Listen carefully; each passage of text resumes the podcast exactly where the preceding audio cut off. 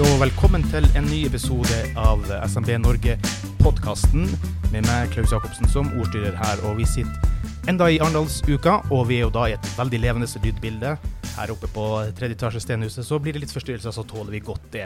Og her sitter de med kommunikasjonssjef Joakim Dagenborg. Hei, hei. Hei. Og så er vi så veldig veldig heldige at vi har fått med oss eh, næringsministeren, Jan Kristian Vestre fra Arbeiderpartiet. Hei, og tusen takk for at du tok deg tid til det her. Ja, selvfølgelig. Tusen takk for invitasjonen. Hyggelig å være her. Ja. Og så, nå har vi jo akkurat, eller du har vært med, ikke jeg og Joakim, men du har vært med akkurat i en debatt her i SME-teltet om politikk og gründerpolitikk. Hva tar du med deg fra den debatten? Er det noe du som tenkte aha, det må jeg ta med meg? Ja, det var veldig interessant å høre fra eh, noen av deltakerne også, da, som har førstehåndskunnskap selv fra å gründe en bedrift. Mm. Hvor de nettopp bekrefter det inntrykket vi har om at det er uh, først og fremst kompetanse og kapital som blir veldig viktig framover mm. for mm. å få flere til å starte egen bedrift. Og så fortalte jeg om de fire tingene vi jobber med i regjeringen nå, som vi skal legge fram før uh, jul. Og veldig kort fortalt så er det en uh, fornyelse av virkemiddelapparatet vårt, der vi skal tette de hullene som er i uh, virkemidlene. Mange gründerbedrifter forteller oss at det er akkurat i oppstarten, når de liksom er i ferd med å ta av, at vi slutter å hjelpe dem. Og det er kanskje da de trenger aller mest hjelp for å virkelig ta sats. Mm. Så det skal vi selvfølgelig få til.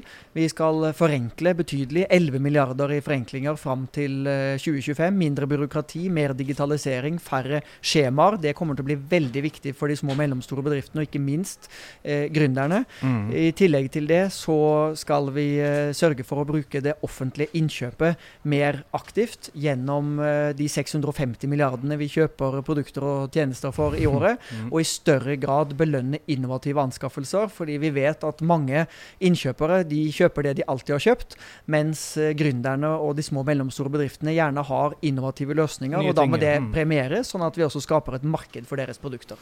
Joakim, jeg skal ta deg litt på senga først. Ja, først ja, ja. Fordi at Du sitter jo her som kommunikasjonssjef for SMB Norge. Og nå sitter du, om ikke tilnærmet Gud inn i næringslivet, så i hvert fall øverste sjefen i, i, i, i systemet. Da. Hva er din største bønn til næringsministeren på vegne av dine medlemsbedrifter i SMB Norge? Oi. Jeg tok det på senga. ja, det. du gjorde det. Det er jo, jeg tror det, Hvis du spør våre medlemsbedrifter, så er jo byråkrat, altså byråkratiet, papirveldet, det å slippe å rapportere så mye, det er nok det eh, der de aller helst vil at vi skal pushe. Og så selvfølgelig formuesskatt eh, og sykelønnsordningen og sånne ting. Det, det er kanskje ikke så mm. overraskende.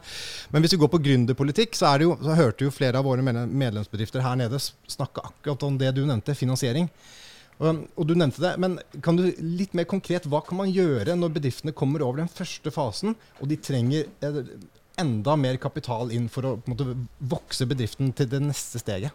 Ja, det er jo mange ting vi kan gjøre, for det finnes jo kapital. Mm. Og det er mye privat kapital som finner en gründerbedrift. Og målet vårt er at vi skal mobilisere mest mulig privat kapital. Det er jo ikke først og fremst skattebetalerne som skal eh, finansiere dette, men vi må ha virkemidler som er akkurat kraftfulle nok til at denne private kapitalen kan mobiliseres. Da kan det være garantiordninger som mm. gjør det lettere for private investorer å gå inn i selskaper med høy risiko. Det kan være rene lån som oppstartsbedriftene kanskje ikke ville fått på helt kommersielle vilkår av sin private bank, Nei. men som vi som stat og virkemiddelapparat kan tilby.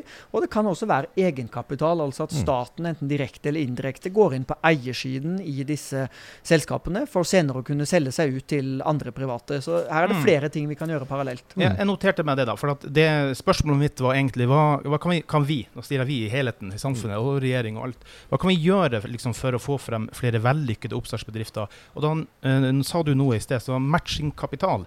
Hva legger du i matchingkapital? Er det lån? Er det, er det penger frigitt? Eller hva, hvordan skal du løse det på noe vis som ja, som blir bra, og at man ikke bare setter i, i gjeld likevel? Jeg vet ikke om du skjønner hvor jeg kommer Jo, jo, absolutt. Det er et, eh, godt spørsmål. Og matchingkapital i seg selv betyr jo egentlig bare at uh, hvis en en privataktør stiller med så mye, så er det noen andre som matcher med det tilsvarende, og mm. det kan jo være staten.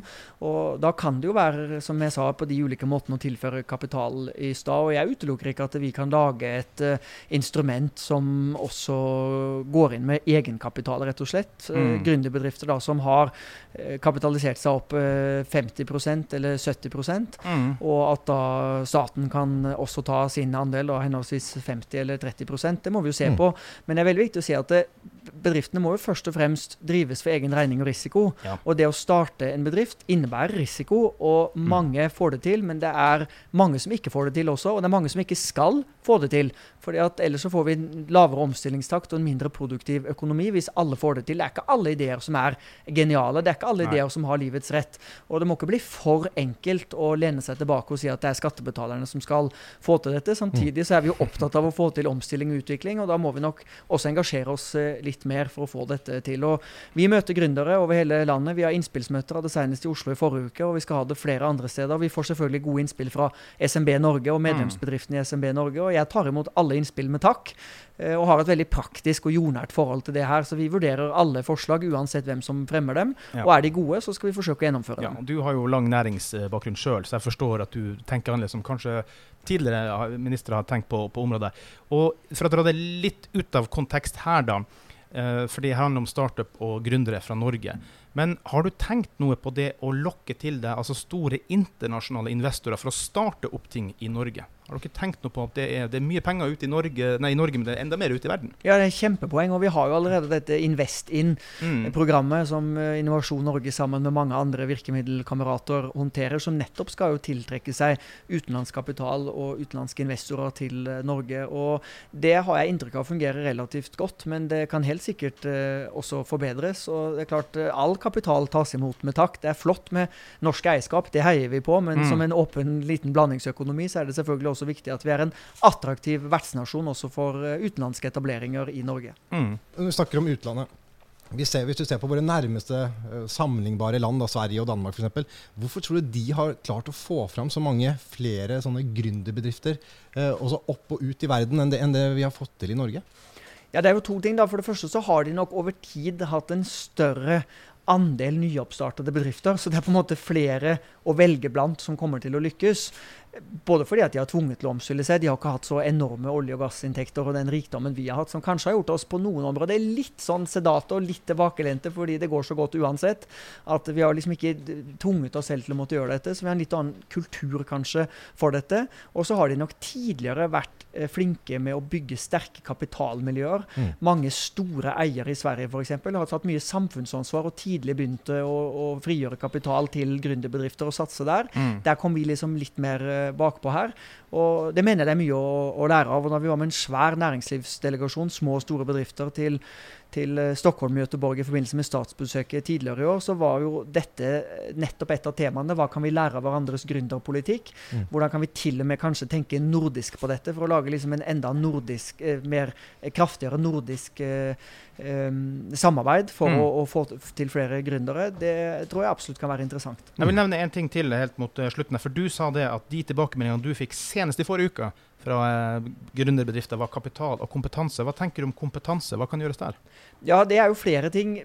Mange skriker jo nå etter arbeidskraft, og det gjelder etablerte, og det gjelder de nyoppstartede. Mm. Så det at vi selvfølgelig har uh, flere i arbeidsmarkedet i Norge, nå har vi 1,7% arbeidsledighet, har ikke vært lavere på ti år. Nei. Men vi har en stor restarbeidsevne. Det er mange som er utstøtt av arbeidslivet, jobber ikke. Noen kan jobbe helt eller delvis. Vi kan legge bedre til rette, senke terskelen. Det vil være veldig viktig. Og så er det selvfølgelig utenlandsk kompetanse vi må ta inn. Og der har jo SMB Norge og flere andre vært opptatt av at det tar for lang tid i søknadsprosessene for å få utenlandsk kompetanse inn. Den terskelen må vi senke. Det er vi allerede i gang med. Og så mener jeg det er viktig at vi styrker gründerkompetansen og entreprenørskapstankegangen gjennom hele utdanningsløpet. Fra barnehagen, gjennom grunnskolen, videregående opplæring og inn i høyere utdanning. Det med å liksom være entreprenør, tenke kreativt, skape ting, det har nok eh, forsvunnet litt i en skole som har blitt veldig instrumentalistisk, Ja. som handler veldig mye om det som kan eh, måles og regnes. Det er veldig viktig at ungene lærer seg å lese og skrive, Mm. men du verden, det er flott hvis de får med seg litt entreprenørskapskunnskap også. Ja.